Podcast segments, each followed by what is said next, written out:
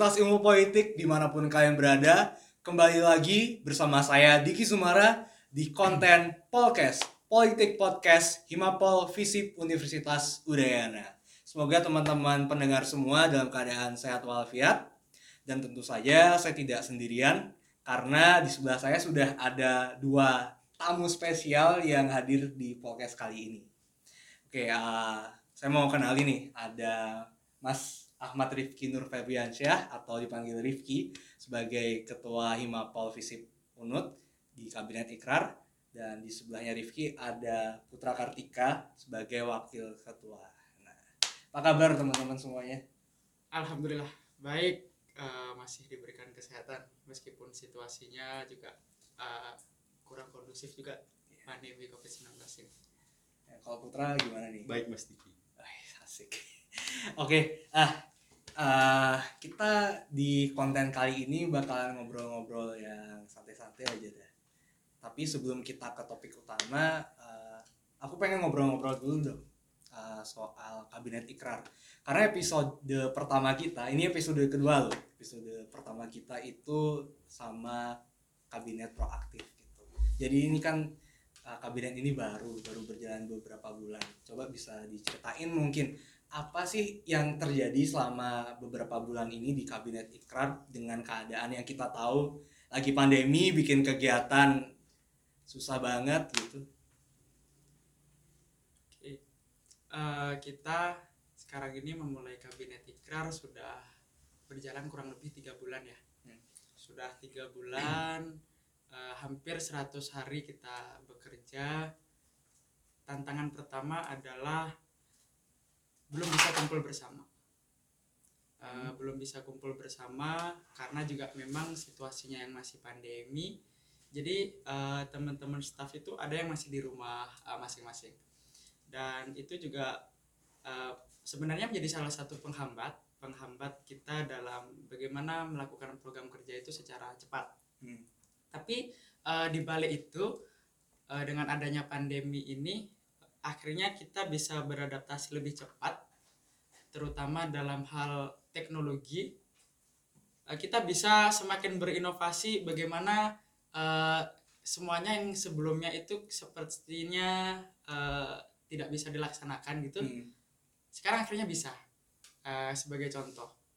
Uh, dulu melaksanakan kegiatan secara online itu sepertinya sesuatu yang tidak mungkin gitu. Tapi uh, sekarang kita sudah mencoba dan akhirnya ternyata itu bisa. Dan itu me mewujudkan jiwa-jiwa inovatif kita dan itu selaras juga dengan misi kabinet ikrar di mana uh, inovasi itu harus terus digali dari uh, potensi teman-teman di ilmu politik kurang lebih itu mas Diki. Ya betul banget. Ya contohnya uh, di kabinet ikrar udah misalnya rapat-rapat kan udah pasti online kebanyakan ya, ya terus juga beberapa kegiatan. Kayak waktu itu musyawarah mahasiswa ya. ya hybrid gitu kan.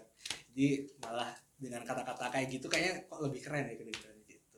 Terus kalau dari Putra gimana sih? Mungkin mau nambahin atau ada uh, insight baru yang mau dikasih nih ke teman-teman? Uh, sebelumnya selamat pagi siang malam dulu buat kawan-kawan di yang sedang menyaksikan dan Diki. Siap. Uh, jadi uh, menambahkan aja sih sebenarnya dari uh, Mas Rifki hmm. di pandemi ini selama tiga bulan kita udah beroperasi ya bilang aja uh, itu malahan memaksa kita untuk lebih maju daripada sebelumnya. Memaksa kita lebih kreatif daripada sebelumnya. Sehingga eh, nggak uh, ada nggak ada alasan juga nih untuk kita oh karena pandemi nggak ada proker yang jalan nih. Karena pandemi nggak ada nggak ada instrumen nih yang bisa mendorong Himapol itu lebih maju lagi. Itu itu nggak ada alasan lagi sih sebenarnya. Jadi intinya kreatif dan juga inovatif itu sangat di sangat memunculkan sekali sih di pandemi ini. Oke, okay. uh, eh, terus gimana caranya kalian nih sebagai ketua dan wakil menyatukan teman-teman uh, yang gimana ya susah banget gitu buat kita ketemu, buat bikin kegiatan, buat rapat itu harus online gitu, ngejaga apa ya rasanya itu kayak gimana sih? Gitu. Uh, gini, uh, sejak awal uh, saya dan Putra juga sudah komitmen bahwa komunikasi di awal yang baik itu akan menghasilkan output yang baik juga. Uh, terlebih saat ini juga situasinya seperti ini, jadi komunikasi itu sangat penting. Diawali dengan komunikasi yang baik, terutama uh, kita, saya dan Wak Putra, uh, yang pertama kali adalah bagaimana komunikasi dengan kadep wakadep, dengan inti uh, bagaimana apa yang ada di visi misi itu bisa jatuh juga ke kadep wakadep apa yang ingin kita kerjakan juga bisa uh, diterima dengan baik. Kemudian uh, kadep wakadep itu nanti bisa menyelaraskan di masing-masing staff. Dan kemudian uh, juga diadakan rapat evaluasi di rapat evaluasi itu juga nantinya kita bisa melihat uh, sejauh mana kita sekarang ini melakukan uh, apa sekiranya yang perlu kita perbaikin, apa yang sudah bagus dan apa kemudian yang harus kita lakukan ke depannya. Jadi uh, itu menurut saya yang selama ini sudah kita lakukan untuk uh, di situasi seperti ini. Asik banget ya. Berarti apa namanya? kekeluargaan itu tetap bisa terjaga dengan apa yang dibilang sama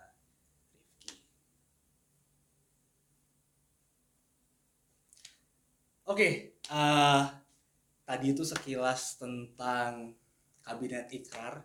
Kita bakalan bahas topik utama kita. Nah, topik utama ini sebenarnya datang dari kerasahan kita semua sebagai mahasiswa ilmu politik gitu, termasuk kita kita ya gitu. Karena uh, apa ya? Ini sebetulnya hal yang sepele, tapi kadang ada beberapa orang yang kadang dimasukin ke hati atau gimana gitu padahal uh, isu ini juga sebetulnya tidak betul-betul relate juga sama kita gitu maksudnya anggapan orang itu nah itu yang kita mau bahas itu namanya adalah stereotype gitu. nah apa sih itu stereotype nih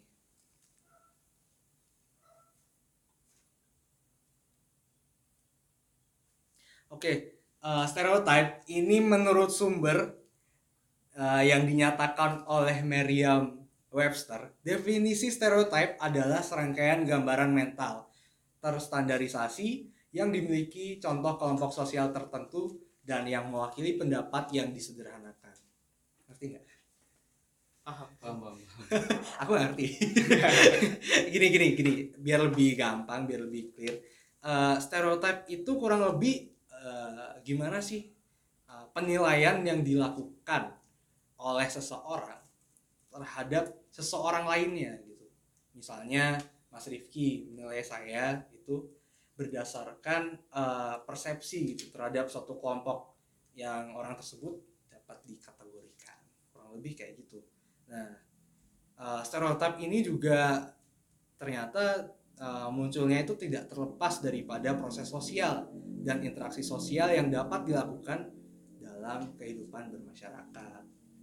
Terus juga uh, menurut sumber ini stereotip itu juga sering menjadi objek kajian yang dipergunakan untuk merujuk pada kepercayaan yang sering kali tidak adil dan tidak uh, benar yang dimiliki banyak orang tentang semua orang atau hal-hal karakteristik tertentu kayak gitu. Uh, contohnya tuh kayak gini loh. Misalnya kalian tahu nggak? Uh, misalnya mahasiswa apa ya? uh, psikologi gitu misalnya uh, kamu mahasiswa psikologi hmm. gitu terus aku masyarakat eh kamu masuk di mana psikologi. Psikologi. Oh pasti ini kerja bisa ngeramal. Bisa ngeramal ya, ya kayak kayak kayak, gitu. Ya stereotip nah uh, dan yang kita akan bahas adalah stereotip di kita mahasiswa ilmu politik.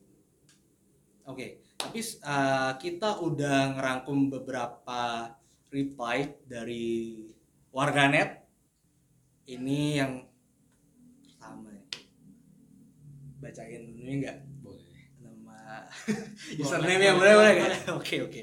Uh, pertama Zikri AZM nah, stereotip yang dia dapat itu DPR DPR DPR kok ngambil ilpol? Terus ngambil ilpol karena alternatif dari HI ya? Iya kok tahu. Kan sedih banget. Ya kita sebagai mahasiswa ilmu politik kok dibanding bandinginnya sama HI yeah. gitu. Menurut kalian gimana sih? Uh, gini bu sebenarnya kalau kita melihat uh, secara sederhana sederhananya saja uh, stereotype itu bisa kita katakan sebuah labelisasi. Labelisasi. Uh, jadi kita mendapatkan sebuah label tertentu dari masyarakat uh, tentang label A, label B, kemudian label C. Uh, kita melihat selama ini memang labelisasi uh, Anda masuk ilmu politik karena tidak diterima di HI, Anda masuk ilmu politik karena pilihan yang kesekian. Nah, itu sebenarnya uh, salah satu labelisasi, salah satu penilaian yang salah Kenapa, begitu? Uh, sebenarnya nih yang sebenarnya Bung Putra sama Bung Diki hmm. hubungan internasional itu adalah bagian dari ilmu politik. Nah, makanya fakultas kita ini namanya Fakultas Ilmu Sosial, dan, dan Ilmu, Politik. politik gitu. Karena uh, sejatinya ilmunya itu berawal dari ilmu politik dan uh, hubungan internasional ini lebih berfokus sesuai dengan namanya di level internasional.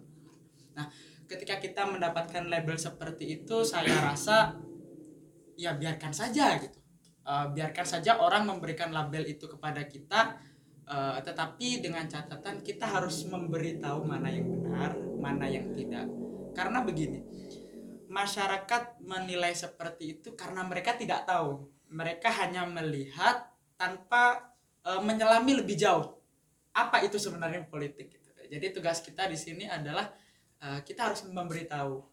Dan uh, masyarakat juga bisa lebih cerdas lagi apalagi sekarang kan uh, informasi juga lebih mudah bisa diakses di mana pun. Uh, jadi di sini uh, aku uh, garis bawah ya bak, uh, ilmu politik itu bukan HI uh, bagian dari HI tapi HI bagian dari ilmu politik. Oke, ini sebenarnya terkait banget uh, sama pernyataannya Anthony Simanula tentang anggapan masyarakat. Nah, dia tuh dikatai sewaktu lulus ilmu politik akan banyak dosanya karena politik itu kotor. itu gimana itu? Kok bisa ada anggapan bahwa ilmu politik kotor sih? Apa mungkin karena uh, pengetahuan masyarakat yang mungkin kurang dalam tentang ilmu politik seakan-akan politik itu kotor gitu tapi ini kan yang harus digarisbawahi ini ilmu politik gitu. apakah ilmunya kotor gitu mungkin bisa, putra putra aku ya putra uh, oke okay.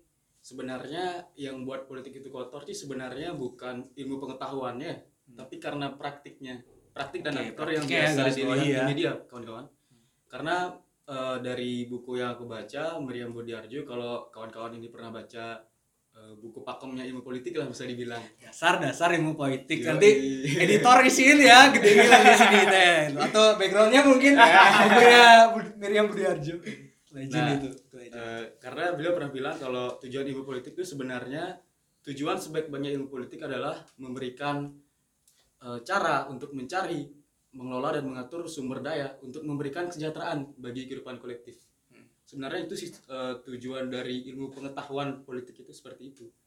Uh, cuman kan karena kita tahu slogan di media itu bad news is a good news kan seperti itu ya. Okay. jadi uh, yang dilihat masyarakat itu bukan substansinya tapi praktiknya. Lebih seperti itu sih. Oke okay. kira-kira nah jadi tugas uh, boleh aku lanjutin dulu ya hmm. nah, jadi uh, itulah tugas kita di Himapol bersama aku dan Mas Rifki untuk memberikan pendidikan politik ini dan sosialisasi bahwa politik itu tidak seburuk itu sebenarnya dan politik itu sebenarnya uh, lebih penting daripada ilmu lainnya gitu. Asik. Sombong amat. Sombong amat tuh. Tapi gimana sih sebetulnya uh, ilmu-ilmu yang didapetin gitu setelah kita masuk ilmu politik? Apakah seburuk itu? Atau mungkin menarik? Mungkin seperti suatu keindahan buat hmm. kita. Apa sih? Dari siapa dulu? Ya siapa? Uh, aku dulu deh. Uh, berarti mungkin ke prospeknya ilmu politik ke mana gitu ya? Uh, yang kita dapat pas belajar sama prospeknya juga boleh. Nah, sebenarnya kalau prospek ilmu politik itu sendiri uh, memang secara uh, secara umum gitu emang terbatas sih sebenarnya. Karena tidak ada ilmu-ilmu misalkan uh, di ilmu teknik ataupun kesehatan itu tidak uh, kita tidak bisa masuk ke sana.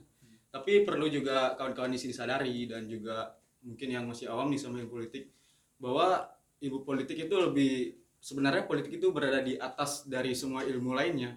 Karena politik itu dia dengan kita belajar politik dengan kita belajar mengenai kekuasaan mengenai kebijakan publik mengenai negara kita bisa tahu nih cara yang mengatur tentang gimana kesehatan yang baik untuk masyarakat kemudian bagaimana kita seharusnya memberikan pendidikan yang baik untuk masyarakat sebenarnya seperti itu sih seharusnya tapi kan karena aktornya sendiri Iya, yang betul, buat Pak. politik itu buruk sih Hmm, terus menurutmu kamu apa aja sih yang udah kamu dapat gitu setelah masuk ke prodi ilmu politik? Gitu. Nah. Tadi kan bahas soal prospek. Gitu.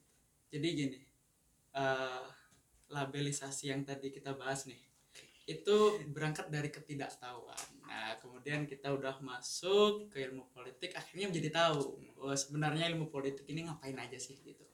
Nah eh, kita nih bertiga ya kan udah berjalan 4 semester nih. Udah 4 semester eh, ya kurang lebih hampir 100 SKS lah yang sudah kita pelajarin Ya, di kurang lebih lah. ya kita udah mempelajari nih yang namanya eh, bagaimana kebijakan itu dirumuskan? Bagaimana eh, undang-undang itu eh, dirumuskan dan turun menjadi sebuah kebijakan? Bagaimana konsep ke- kekuasaan itu berjalan?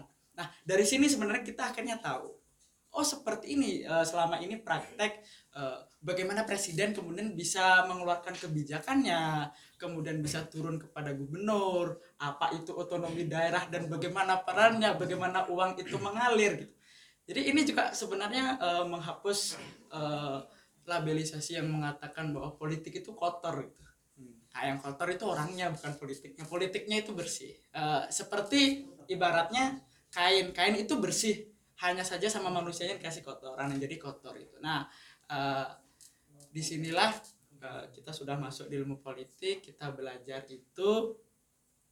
Akhirnya menjadi lebih tahu dan bisa kita implementasikan nantinya ke depan di berbagai sektor yang eh, Mas Putra sampaikan kita itu ada di atasnya. Ya ini ini memang benar. Saya eh, perlebar lagi eh, kenapa kita di atasnya gitu? Eh, kita meng- eh, mempelajari yang namanya konsep kekuasaan. Nah kekuasaan ini ya ini teman-teman semua bisa di garis bawah ini kekuasaan gitu ya. Nah, kekuasaan ini sifatnya kompleks eh, di semua hal nah di sinilah eh, praktek kekuasaan ini kemudian eh, mempengaruhi semua keilmuan yang lain contoh ini contoh contoh konkret saja keilmuan kedokteran dia akan menghasilkan seorang dokter. Oh ya, sebelum saya membahas ini ya, eh, Oke. ti- tidak ada sama sekali untuk eh, meremehkan eh, keilmuan teman-teman yang tidak. Ada tendensi buruk Ya, ya. Pokoknya ini semua keilmuan Aman. itu bagus, bagus, Hanya saja prakteknya itu eh, ilmu politik satu tingkat gitu eh, di atas dalam hal ini konteksnya kekuasaan. Nah, eh, dicontohkan di sini eh, masalah khususnya kebijakan. Kebijakan itu lahir dari namanya aktivitas politik. Nah, di sinilah eh, tanpa ada ak- aktivitas politik kebijakan itu tidak akan berjalan. Nah, ketika kebijakan itu tidak ada, keilmuan yang di bawahnya itu juga tidak akan bisa diimplementasikan. Contoh, keilmuan kedokteran itu akan menghasilkan dokter. Oke. Tanpa ada kebijakan, tanpa ada aturan yang jelas tentang dokter, dokter itu tidak akan pernah bisa eh, mengimplementasikan eh, keilmuannya. Kedua, eh, kita punya eh, salah satu tokoh, to- tokoh bangsa, eh, beliaunya juga sudah meninggal, eh, Presiden RI ketiga, Hmm. Bapak Habibie. Beliau ini sangat jenius eh, dalam hal teknologi khususnya pesawat terbang. Hanya saja kurang dukungan dari pemerintah karena memang eh, dalam waktu itu ada krisis moneter, akhirnya Oke. eh, tidak bisa terlaksana dengan baik. Hmm. Nah di sinilah eh, saya bisa memasukkan bahwa konsep aktivitas politik itu akan mempengaruhi keilmuan yang lain juga. Mau sebagus apa pun keilmuan lain, eh, tanpa adanya aktivitas politik yang bagus, semuanya juga akan ikut. gitu. Benar. Nah di sini jadi eh, selaras yang disampaikan sama eh, Mas Putra, kita di atasnya gitu, tapi nggak jauh sebenarnya, hanya setingkat gitu, setingkat satu level di atasnya. Tapi yang jelas kita itu semua sama. Kita di Universitas Udayana, kita di bawah rektor yang sama, ibu rektor yang paling cantik. Waduh. Nah, ya enggak, ya enggak. iya dong. Iya. Tuh. Oke, kita lanjut nih ke reply selanjutnya dari Fanny Giovanna. Pertama, habis lulus lu mau nyalek ya? Kedua serem banget jadi takut main sama lo lagi. Kenapa ini? Ada apa ini? Mungkin dia masalah pribadinya nyangkut ini. Nah, politik kita jadi kena ini. Tapi kalian relate gak sama ini? Sama teman-teman kalian jadi takut sama kalian gitu atau cuma sekedar bercanda mungkin? Hmm, dari aku ya? Dari oh, bisa. Oke. Eh, sebelum sebelum menjawab, pengen dulu nanya kabar. Gimana gimana kabarnya Mbak Ani nih? Bekasi aman atau tidak? Ah, apakah masih situasinya? Tahu ya. tahu ya waduh Ah, jadi kalau kita ngelihat ilmu politik itu bikin kita ditakutin, bikin kita serem itu enggak sebenarnya. Tinggal kitanya aja gimana kan ya. Eh, serem enggaknya buktinya eh, di Unut yang paling ditakutin itu eh, Universitas X. Ada nih Universitas X gitu kan. Oh sorry, aku ulangi nih. Fakultas X.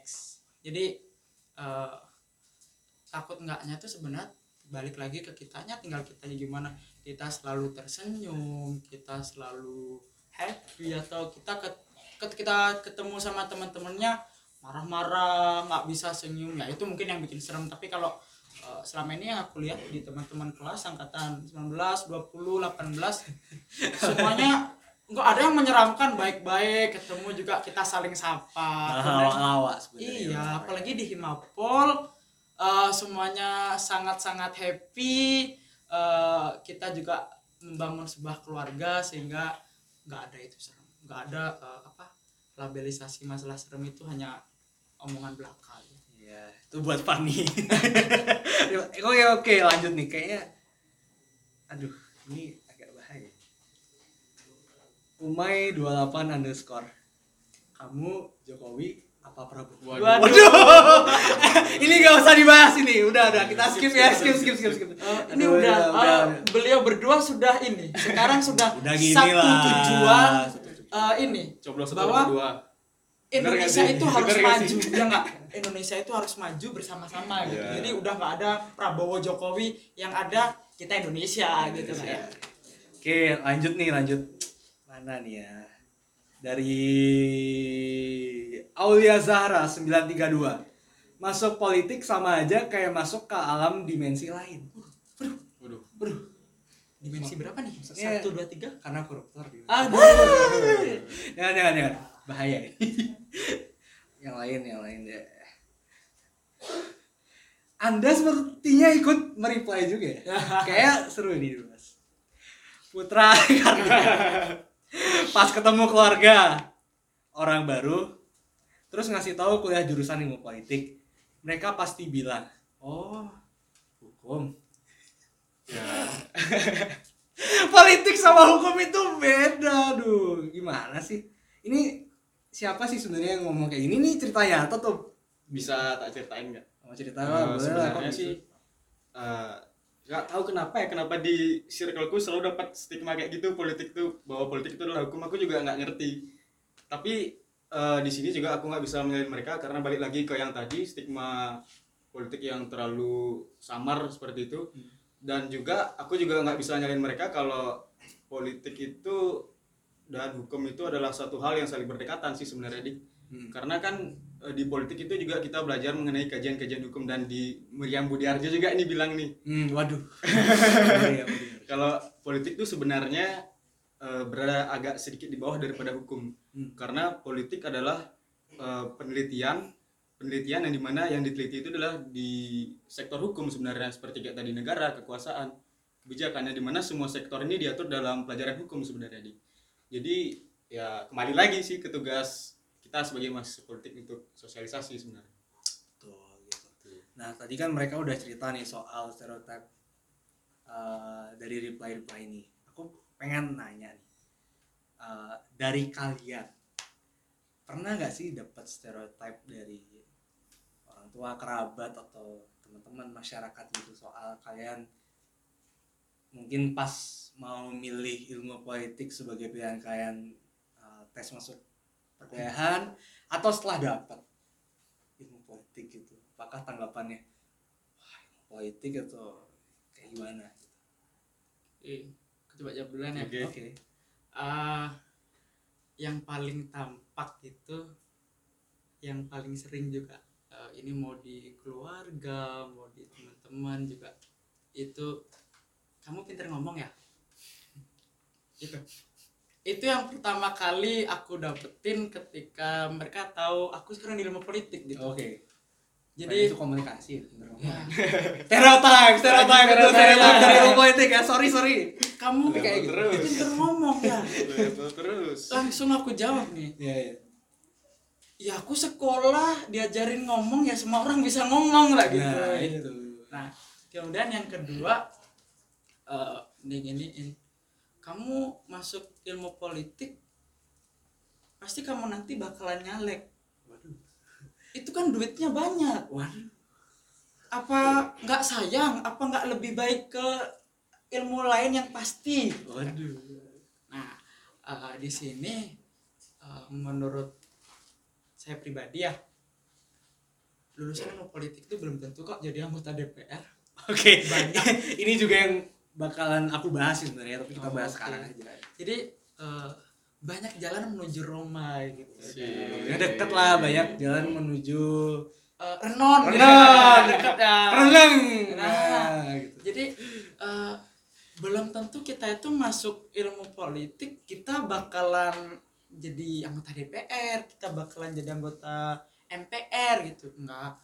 Banyak dari sektor itu karena kita juga pela- mempelajari masalah sebuah komunikasi. Hmm. Kita mempelajari sebuah budaya. Nah, di sini eh, kita bisa masuk ke sektor itu. Ini sebenarnya sih hampir menjawab juga eh, labelisasi yang pertama tadi mengatakan aku pinter ngomong gitu. Ah ini eh kita mempelajari ilmu politik sebenarnya bisa kok masuk jurnalis. Bisa kok kita menjadi seorang penulis gitu. Itu betul betul. betul. Eh, terlebih eh, konten yang paling menarik sekarang ini Mhm. eh, mungkin teman-teman juga bisa lihat mau di Instagram mau di Twitter Ber- eh, situasi eh, berita apa pun yang berbau masalah politik masalah kekuasaan itu trendingnya cepet banget gitu Aku aku kira konten TikTok tadi. oh nah sekarang ini ya bisa dilihat kan ya Iya, iya. di TikTok itu eh, juga sering menampilkan konten-konten tentang eh, aktivitas negara Iya. Nah, di sinilah sebenarnya eh, kita para eh, akademisi politik bisa masuk di situ. Masuknya sebagai apa? Bagaimana kita bisa menyediakan sebuah informasi, sebuah eh, sesuatu yang bisa kita tampilkan secara benar, Hmm. tentunya dalam kajian politik. Karena yang kita tampilkan adalah masalah politik. Nah, di sini sebenarnya untuk me- mengurangi adanya disinformasi kita mengurangi yang namanya hoax karena selama ini kita eh, sering banget karena hanya ngebaca judul kita nggak membaca eh, bagian beritanya udah masuk salah Oh, informasi Nah, ini ini masalah kita di Indonesia gitu. Iya. Kok baca judul aja langsung ngejudge komen gitu. nah selain Sayang itu banget. juga selama ini eh, tadi disinggung sedikit sama Mas Putra bahwa eh, kita itu terlalu mementingkan sensasi mana berita yang sekiranya itu bisa menarik perhatian tanpa melihat kontennya seperti apa. Nah, kita para akademisi politik nih bisa masuk ke situ. Bagaimana kita menyajikan sebuah pemberitaan, terutama masalah politik yang sangat sensitif, bisa dengan baik, eh, bisa diterima. Jangan kemudian eh, memunculkan sesuatu yang kemudian menimbulkan kontroversi yang berakibat pada eh, perpecahan di masyarakat. Oke, eh, tadi itu jawaban dari Rifki ya. Nah, eh, dari beberapa reply ini sebetulnya relate banget juga sih sama aku ya. Karena waktu itu dulu juga ada beberapa orang gitu.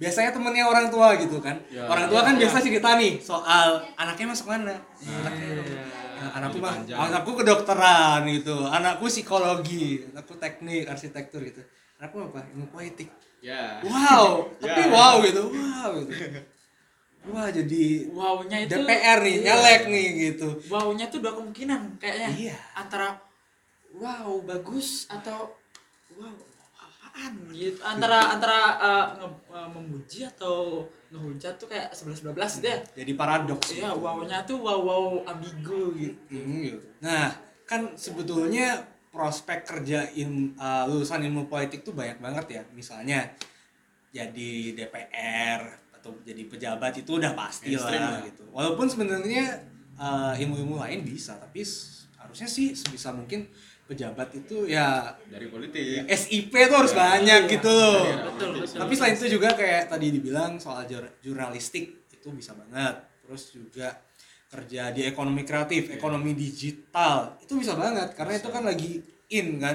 Maksudnya eh, di zaman bukan revolusi eh, industri 4.0 kita udah mau ke 5.0 nih gitu. Jadi penguasa penguasaan akan media digital itu penting tapi juga di sana juga kita bisa masuk karena kita tuh belajar strategi, kita belajar komunikasi, bahkan kita juga belajar tentang teknologi-teknologi yang sedang uh, hangat tuh apa sih yang dibicarain kayak gitu loh.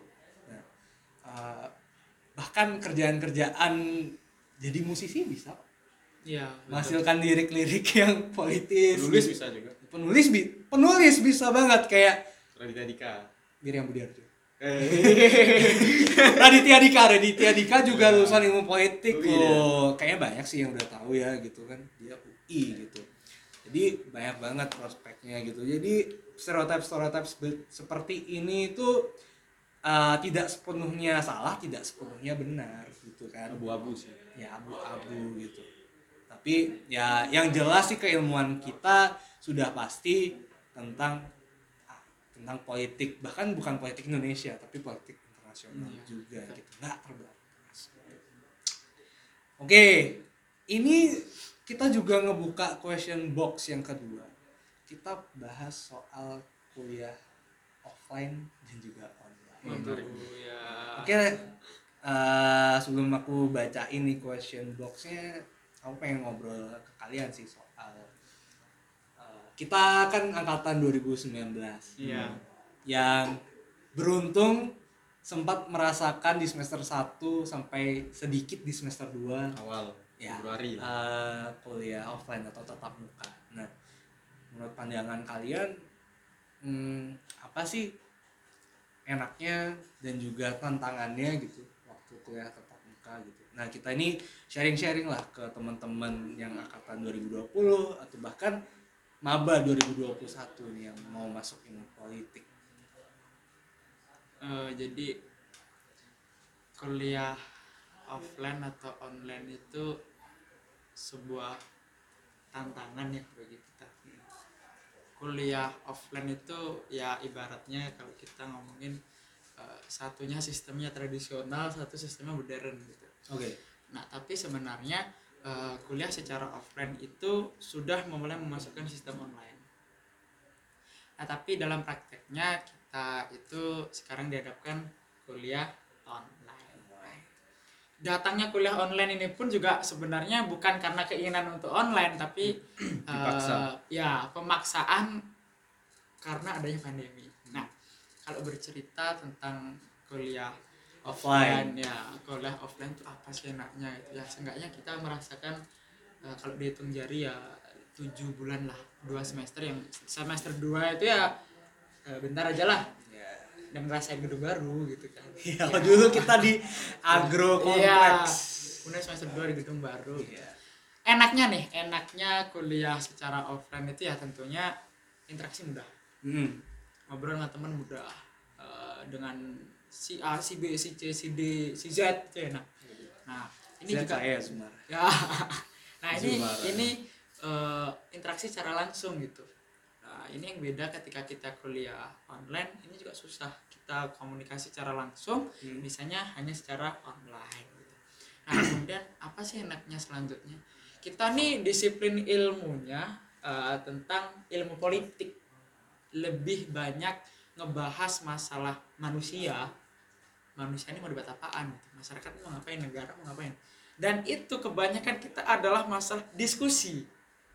Diskusi. Ah, diskusi. Oke, oke, oke. dulu nih dulu dulu. Ketika kita masih kuliah offline Pada zaman Nah, di kelas eh, nggak ada dosen tuh ah pasti ada diskusi singkat. Meskipun hanya lima orang empat orang. Loh, tapi diskusi itu terbentuk di situ. Nah ketika ini eh, kuliah online sempat sih sempat nih sempat kita pernah ngadain diskusi ya waktu itu kalau nggak salah Iya, eh, di Google Meet kemudian pernah juga di Line Hmm. Eh, tapi ya hanya Pasif. berjalan pasif sih ya hanya Iya, berjalan iya, iya. Cuma satu kali dua aja. tiga kali kalau nggak salah ah ini kemudian yang tentunya menjadi pembeda kalau dulu ketika kuliah offline tanpa direncanakan pun eh, masuk kelas nggak ada dosen ada aja topik yang kita bahas gitu. Iya.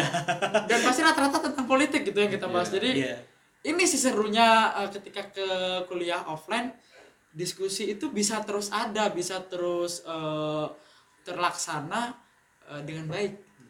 Dan kemudian tentunya juga interaksi dengan dosen semakin mudah. Eh, apa namanya kita bertanya dosen men- menyampaikan materi juga lebih enak.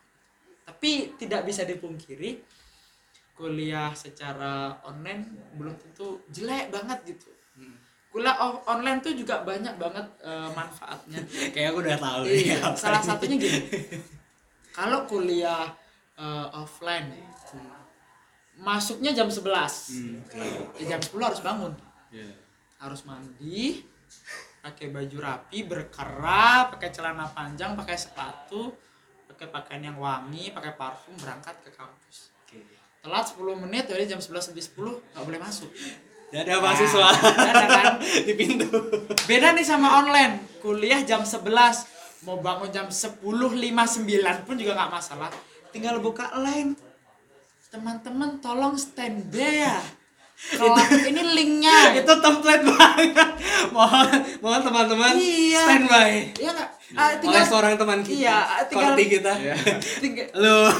tinggal di inisial ini N inisial N apa namanya linknya tinggal diklik ntar kalau ada yang eh, apa namanya eh, passwordnya ya Password. tinggal masukin password aja udah selesai perlu mandi enggak perlu ganti baju enggak sambil tiduran bisa sabi kak Iya, biasanya Nah, dikasih eh, apa interval waktu 10 menit gitu Iya. buat kita siap-siap Nah. dari jam 11 sampai jam 11.10. Iya. itu jadi eh, salah satu keunggulan bukan dalam artian kemudian kita menumbuhkan jiwa kemalas-malasan Iya. bukan. Tapi di situ itu akhirnya waktu kita jauh lebih fleksibel. Contoh nih eh, kita memang bukan mau malas-malasan. Kita emang pagi itu bisa aktivitas contoh eh, kuliah setengah sembilan. Kita pagi masih bisa eh, melakukan olahraga dengan tenang. Baru kita benar-benar fokus itu setengah sembilan tepat. Nah itu. Kemudian keuntungan selanjutnya adalah eh, dengan kuliah online kita bisa juga membagi waktu kita dengan hal yang lain. Bukan berarti kita nih bisa eh, nggak eh, nggak fokus dengan satu gitu. Tapi ketika kita kuliah online kita bisa nih membagi oh sekarang kita eh, lagi kuliah online mungkin sambil jagain adiknya atau kalau nggak gitu sambil Nyapu. eh, ya nyapu kayak eh, ini apa namanya eh, didengerin dari jarak jauh itu tetap bisa. Tetap kita bisa berkonsentrasi. Dan ini eh, yang jauh lebih lebih ini lebih apa namanya lebih bagus ya lebih efektif daripada kuliah offline. Tapi jeleknya nih jeleknya. Ah jeleknya. Masalah internet tuh jadi masalah yang pertama. Ya kalau di rumahnya punya wifi sih nah, Enak sih. lah, Ya. bakalan bakalan ada masalah. Yang nggak ada nih yang jadi masalah. Hmm. karena gini eh, mohon maaf nih Kemdikbud.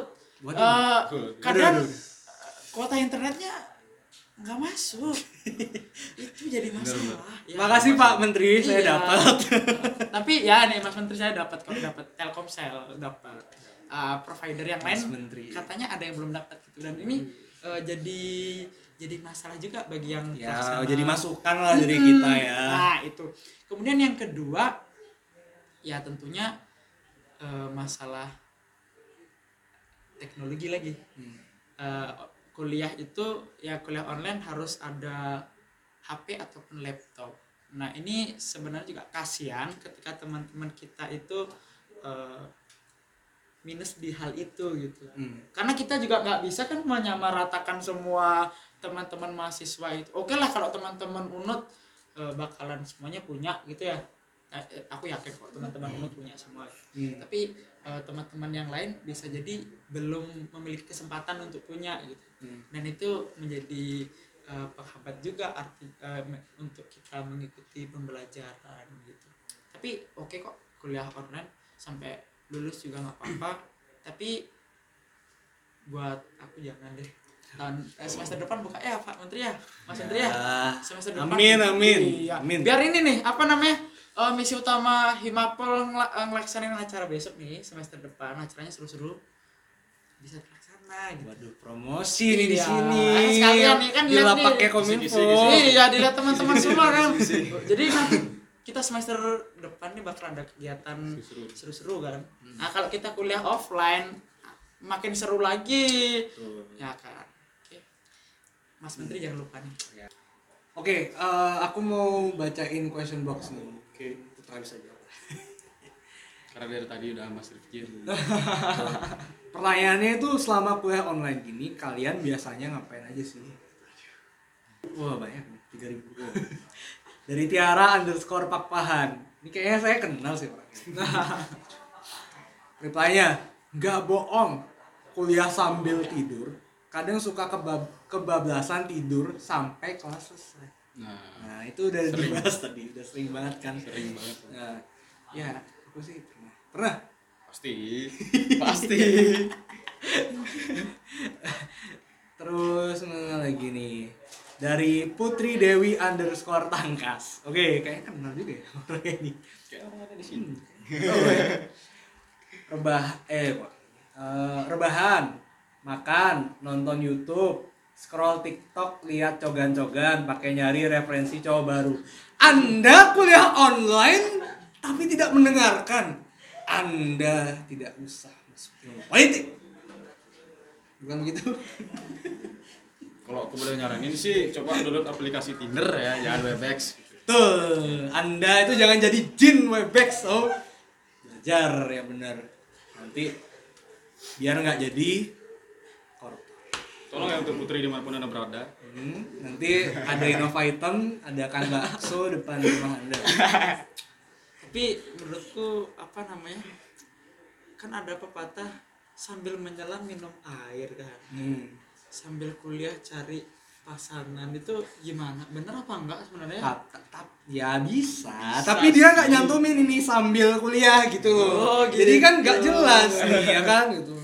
Nih eh, siapa tadi Putri Dewi ya? Iya, Putri Dewi Ah, Tangkas. Putri Dewi Tangkas nih di mana pun berada ya fokus kuliah Kuliah. Ah, tapi sambil nyari nggak apa-apa sih jangan satu sekalian dua tiga empat juga boleh kan eh, di Ilpol tuh terkenal kan ya banyak cowok-cowok ganteng cewek-ceweknya juga cantik-cantik kan ya Dosennya juga. dosennya apalagi itu top-top banget jadi eh, sekalian aja Iya. dapat Nih selanjutnya ada lagi nih.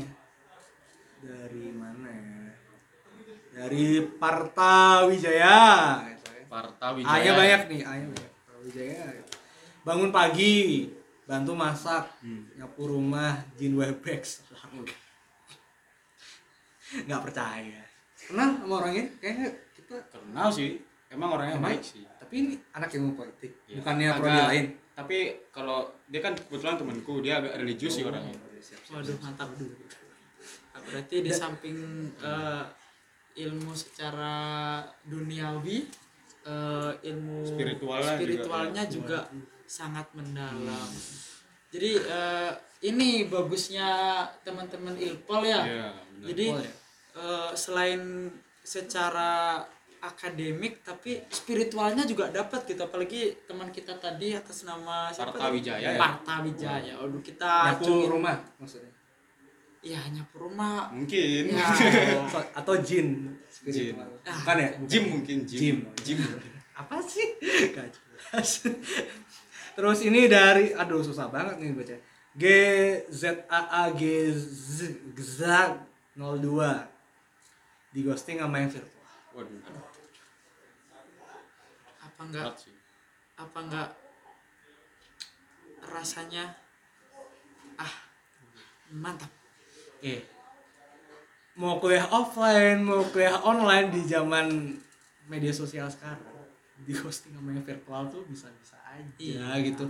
Lu mau kagak kuliah juga tetap bisa di ghosting sama yang virtual. Dengar, Anda siapa nih? GZ Z02 Aduh, enggak siapa enggak siapa pun Anda itu ya. Nggak ya jelas. Anda bisa cari yang lain. Siapa tadi? Eza. Bisa nggak jelas loh. Ya, mudah-mudahan dia paham sama yang kita omongin sekarang. Em, terus ini, waduh namanya panjang banget nih. Karhes, Karhes Ka Karhes K is biar dingin. Karhes kasih es biar dingin. Gak jelas ini nama nama username-nya ini gak jelas Seperti ini. jokes bapak saya sih Aduh. sebenarnya. Ini jokesnya. Anda kenal? Hah? Anda kenal? Kerabat mungkin.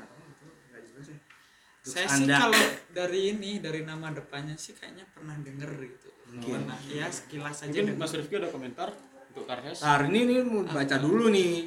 Nggak tahu ngapa-ngapain tiba-tiba udah mau semester 3 baru kati lagi. Oh iya kayaknya seru nih. Kalau- Nah, kayaknya karena ini anak nggak tahu ngapa-ngapain gitu ya. Hmm. Seru nih kayaknya kalau masuk di Himapol ya. Iya. Dikasih kerjaan yang berat ya kan, Hmm. suruh edit edit. Iya. Suruh bikin aduh bacotnya banyak lu. Iya. Oh, cocok nih kayaknya. Soalnya kan eh, s- kita perlu soft skill juga dengan mengikuti Himapol kayak gitu biar loh. dia punya kerjaan. Jadi kan katanya bingung mau ngapain gitu kan. Eh siapa pun ini namanya Karhes Karhes kasih es biar Ah, dingin. Karhes kasih es biar dingin ntar kita beliin kompor merek Rinnai yang panasnya apinya Eh, warnanya kita nggak disponsorin itu. ya, nggak disponsorin yang katanya apinya Mancing lah warna dikit mancing, biru mancing, ya kan mancing. Nggak biar disponsorin. panas Oke. Tapi kayak Mas Rifki agak dalam ya. Udah pas sebenarnya. Apa nih dalam apa nih karena eh, ya menyampaikan tepatnya itu dari hati sekali. oh enggak Waduh. karena ini enggak gitu karena karena eh, Tapi udah udah udah pernah kenal sebelumnya. ya sempet denger aja Oh, gitu gitu. namanya itu gitu jadi Ah, Oh, berarti selama ini cuma tahu aja ya? iya Nggak sekedar kenal ya? iya sekedar tahu aja Nah, urusan itu kita di podcast nanti aja. Ah, gitu. tit Kita gitu ya. dulu ya. Aduh, nan- nanti terlena. ya, ya rata-rata sih jawabnya nugas, tidur, Aduh, kalau main, nugas- sih eh, rebahan, bernafas, iya bernafas sih. iya benar. Ada ya itu sih, ya standar lah, standar. Oke, ini pertanyaan kedua juga ada. Kalau udah kuliah offline, kalian mau ngapain aja? Gitu? Eh, dari mana ya? Wah, ini kayaknya seru nih dari tamu spesial kita ini. Rifki underscore air. Ternyata anda ikut juga ya? Mau ngebucin Min? aduh Apa? Mau ngebucin siapa? eh, jadi gini Eh, Mungkin teman- tadi cocok sama karya oh enggak bukan gitu Loh, jadi gini eh aku menulis itu itu karena termotivasi Eh, jadi dulu itu sempat ada pengalaman ikut event di Jakarta. Ah, kebetulan waktu itu yang membuka adalah Menteri Pendidikan Kebudayaan waktu itu eh, Profesor Muhajir Effendi. Hmm. pesan beliau nih di situ ketika anda muda jangan lupa pacaran. Jangan lupa cari pacar. Nah itulah yang jadi motivasi nih. Menteri nih yang ngomongnya. Iya menteri nih Menteri menteri ya? pendidikan. Jadi jangan lupa pacaran gitu. Nah itu jadi motivasi diri eh, ketika kuliah nanti nggak harus pacaran sih nggak harus pacaran ya seenggaknya ya eh, adalah dikit yang ditaruh di dalam gitu ditaruh aja dulu eh, aktivitasnya kapan ya next gitu. taruh aja dulu seenggaknya adalah yang disimpan. Menteri apa tadi? menteri pendidikan dan kebudayaan waktu itu Mungkin ini alasannya pendidikan kita masih bobrok ya. oh enggak Loh. bukan gitu bukan gitu Bukan saya ngomong ya. Aduh. Mohon maaf. Ah, sesuatu yang jadi eh, bucin itu kan sesuatu menyimpan sebuah rasa Hmm. kan terhadap seseorang nah itu eh, Benar. harus kita jadikan sebuah motivasi motivasi eh, untuk hidup ini karena nggak bisa kita pungkiri ketika kita setelah lulus nanti yang kita pikirkan itu macam-macam yang pertama kita mau kerja apa yang kedua kita mau ngebahagiain orang tua dengan cara apa dan yang ketiga kita akan melanjutkan hidup dengan siapa nah itu penting itu karena eh, melanjutkan keturunan itu salah satunya amanah dari undang-undang dasar juga nih Loh, loh, loh, kok Ya bisa kan? sana? ya jadi jadi bucin ini eh ke belakangnya ke situ nih. Oke, berarti ada serius-seriusnya. Oh, ya. jadi jadi jangan tanggapi negatif udah pacaran aneh-aneh enggak. Tapi bagaimana kita menyikapinya? Tapi udah udah ada targetnya. Eh, target Siapa sih angkatan berapa gitu. target sih belum, belum ya.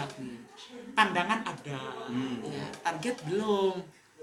Kan kita kalau terutama yang ada dulu mungkin pernah ikut yang ada berbau militer gitu kan kita sebelum ke target itu kan dilihat dulu siapa gitu. Melihat situasi. Ya, ketika baca. sudah menemukan oh ini target saya ambil senjata set tembak aduh bener nggak tuh bener nggak bener nggak Eh, Ya ya deh. ya beginilah mahasiswa ilmu politik ternyata mau- ada cerita mau cintanya. nambahin ya. dikit ya, mau nambahin. Oke, Tapi kalau misalkan kita udah siap nembak, kita harus juga siap untuk ditolak sih sebenarnya. iya itu sih uh, Singkat pada janji. sisi kelam dari sisi sisi lain daripada kebucinan itu Iya. diterima atau ditolak karena bahkan ada nih eh, cerita dari teman saya saya nggak mau menyebutkan namanya gitu Eh, ditolak gitu karena sesuatu hal yang memang tidak bisa dipatahkan lagi itu gitu jadi ya ya semua diterima Oke, ini ada jawaban lagi dari Zikri AZM. Lagi ya. Zikri. Mau belajar di kelas biar berasa vibes-nya terus pulangnya mantai. Ini adalah uh, mindset mahasiswa yang ke Bali itu nganggap kuliah itu uh, Sampingan. kuliah sambil liburan kalau di Bali. Kayaknya ini jadi kayak jangan dibahas di sini deh Iya. topik ini ya, bahas di next aja ya next aja lah. ya. Panjang nih. Panjang itu. Tapi itu seru buat dibahas. Lagi, ini banyak yang nggak bener nih jawabannya. Terus- Itu 3000 dibacain semua. Wah, enggak lah, ini dipilih yang terbaik yuk. Ada filternya lah. Terus ini dari Kim Krila deh. ya Satu lagi ya, satu lagi ya. Eh, makan bareng teman pas istirahat, ngerjain tugas bareng, hangout bareng pas libur, tidur bareng di kosan teman dan lain-lain. Udah, kosan ya cewek sama cewek, cowok sama cowok kan itu. Oh, maksudnya gini tidur bareng itu bisa jadi eh, konteksnya eh, lewat chat ayo teman-teman tidur Tidur. kan itu tidur Sama- bareng Nah, juga iya. kan ya Tapi tempatnya beda. Iya. Tapi ada ya kayak gitu ya? Ada. Ada ya? Ada. jadi ayo teman-teman tidur Nah, tidur bareng itu juga bareng namanya bersama-sama dalam waktu yang bersama hanya tempatnya saja yang berbeda Hmm. ya kan jangan negatif thinking lah kita harus positif Benar. biar energi yang kita dapatkan juga positif gitu kan Oke, ini topik kita terakhir nih sebetulnya. Tentang suka duka. Aku bacain question box aja ya. Mungkin ya tanggepinnya pendek-pendek aja.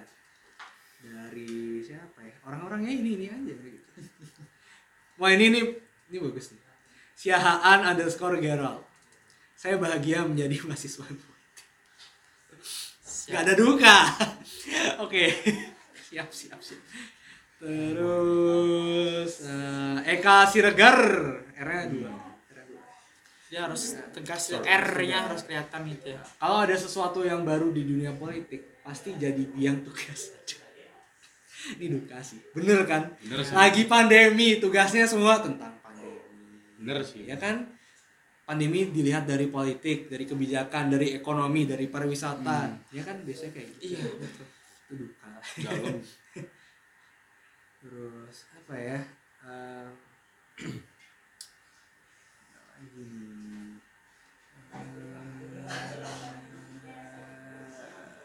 ya rata-rata sih itu sih yang dijawab ya. Kayaknya aku bakal beralih ke kalian aja deh. Ini sebagai penutup ya soal suka duka. Nah, setelah kalian masuk eh, ilmu politik, bahas ilmu politik dulu ya. Ilmu politik eh, suka dan duka kalian apa sih selama kurang lebih 4 semester ini? Dari dulu? Aku dulu ya. Kalau dari aku sih eh, suka dukanya karena ya itu tadi offline online gitu sih. Kalau sukanya sih kalau offline itu kan sebenarnya kita ada stimulusnya itu berupa ketemu sama teman jadinya belajar kita jadi semangat. Terus juga kata Mas Riki tadi ada targetnya lah untuk kita mencari pasangan seperti itu. Terus ya tapi ya kalau dukanya sih ya tadi online tadi sih karena kan kalau kalau oh ya ini juga aku mau nambahin ya. Kalau aku sih di sini lebih ke kuliah offline sih teman-teman. Karena apa? Kalau kalau online tuh sebenarnya di Google tuh udah ada semua itu materinya. Tapi kalau yang kita butuhkan sekarang itu adalah pendekatan emosional dari dosen ke mahasiswa itu bagaimana? Karena di sana yang penting. Kalau untuk materi saja jujur saya pun bisa cari di YouTube bisa cari di Google ataupun media sosial lainnya. Itu juga bahkan di Instagram pun banyak info-info yang lebih penting daripada materi di kuliah misal misalnya seperti itu. Bi- lebih ringkas sih biasanya gitu. ya Jadi bener. Lebih to the point. Iya, nah dan mungkin juga dukanya ya kadang-kadang ada dosen yang mau ini aku nggak nyebutin ya tapi emang ada sih beberapa yang ego sih sebenarnya. Jujur aja emang ada. Mungkin di semua kampus ada kayak gitu. Ya, ya yang penting kita sebagai mahasiswa bagaimana mengadap mengadaptasi Iya. keadaan seperti itu. jadi pengalaman aja Hmm, kalau Rifki gimana? Tanya. sukanya ketemu sama teman-teman ilpol itu mudah diajak diskusi. Karena memang kita ditakdirkan untuk selalu berdiskusi. Jadi eh, itu yang bikin senang gitu bahagia.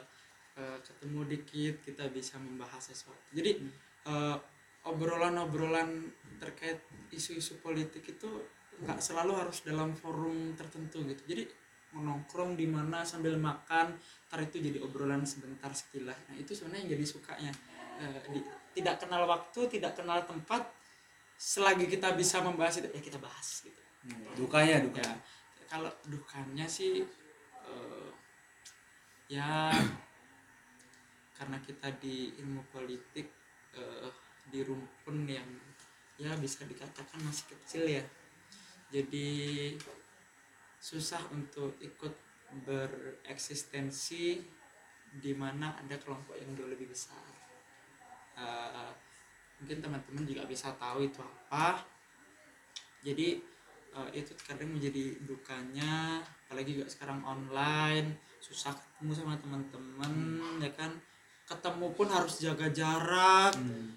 kegiatan di kampus pandemi harus minimal eh maksimal sekian orang gitu ya. Ini sekalian nih dukanya di Himapol juga bisa ketemu sama staff-staff yang baru direkrut nih jadi udah kalau dilihat dari formulir pendaftarannya nih aduh ini anak kayaknya Berpotensi. berpotensi ini anak cantik banget nih Waduh. ini anak keren banget nih ini anak tapi ya cuma ketemu lewat bebek ketemu Jadi lewat Jin Webex tadi kata iya dan itu pun on cam iya jadi Itu kadang pun on cam.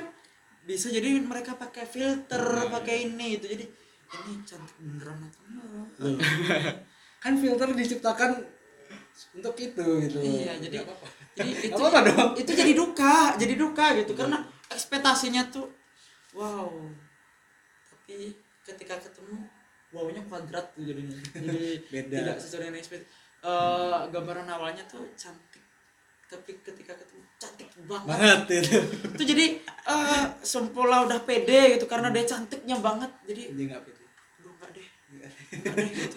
Bukan standarku. itu jadi jadi buka nih. Mas Aduh. Menteri makanya cepet buka ya terutama terutama ilpol buka cepet nih Wah, bisa tuh. offline Ayo. gitu biar kita bisa interaksi oke Oke, ya itulah obrolan kita dari tadi ngalor ngidul dari kita bahas eh, kabinet ikrar, terus bahas stereotype, bahas kuliah offline online sampai bahas soal percintaan di ilmu politik. Ya ini orang-orang baper sebenarnya. Bucin gitu kan. eh, ini eh, sorry nih klarifikasi dulu host kita yang sekarang nih ini bucin- Serang nih. bucinnya jauh lebih dari Eh, kita Loh, ini.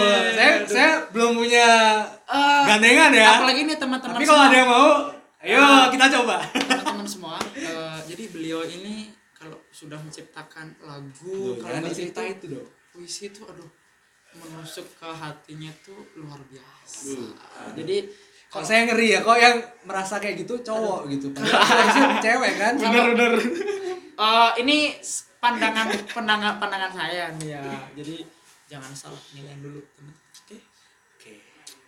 Oke, eh, ya udah itu aja podcast pada hari ini. Hey. Terima kasih buat Mas Rifki dan juga Mas Putra yang sudah siap siap bersedia ngoceh lah eh, dengan celoteh-celotehan dari pertanyaan-pertanyaan ah, dari reply maksudnya reply reply Instagram juga kita udah bahas dan buat eh, sivitas ilmu politik ataupun pendengar podcast ini kalau teman-teman ada topik yang mau dibahas nih, kayak menarik banget atau pertanyaan yang mau dibahas di sini, bisa banget kalian ya komen di Instagramnya Himapol. Mungkin nanti kominfo kominfo bisa bikin feed soal membahas apa ini, atau bisa juga DM ke Instagramnya di Himapol Visip Unut. Dan jangan lupa tonton eh, podcast ini di YouTube Himapol Udayana dan juga di Spotify. Oke, Eh, sekali lagi terima kasih hari ini sudah Sama-sama. Semoga Sivitas Ilmu Politik eh, bisa mendapatkan manfaat. Kalau ngutip eh, channelnya Ari Lasso, saya penggemar Ari Lasso, aduh mantap ambil baiknya, buang buruknya. siap Saya belum belum punya jargon nih. Nanti kita pikirin ya. ya siap Oke, eh, terima kasih dan sampai jumpa di episode selanjutnya di podcast Politik Podcast Himapol Visip Universitas Udayana.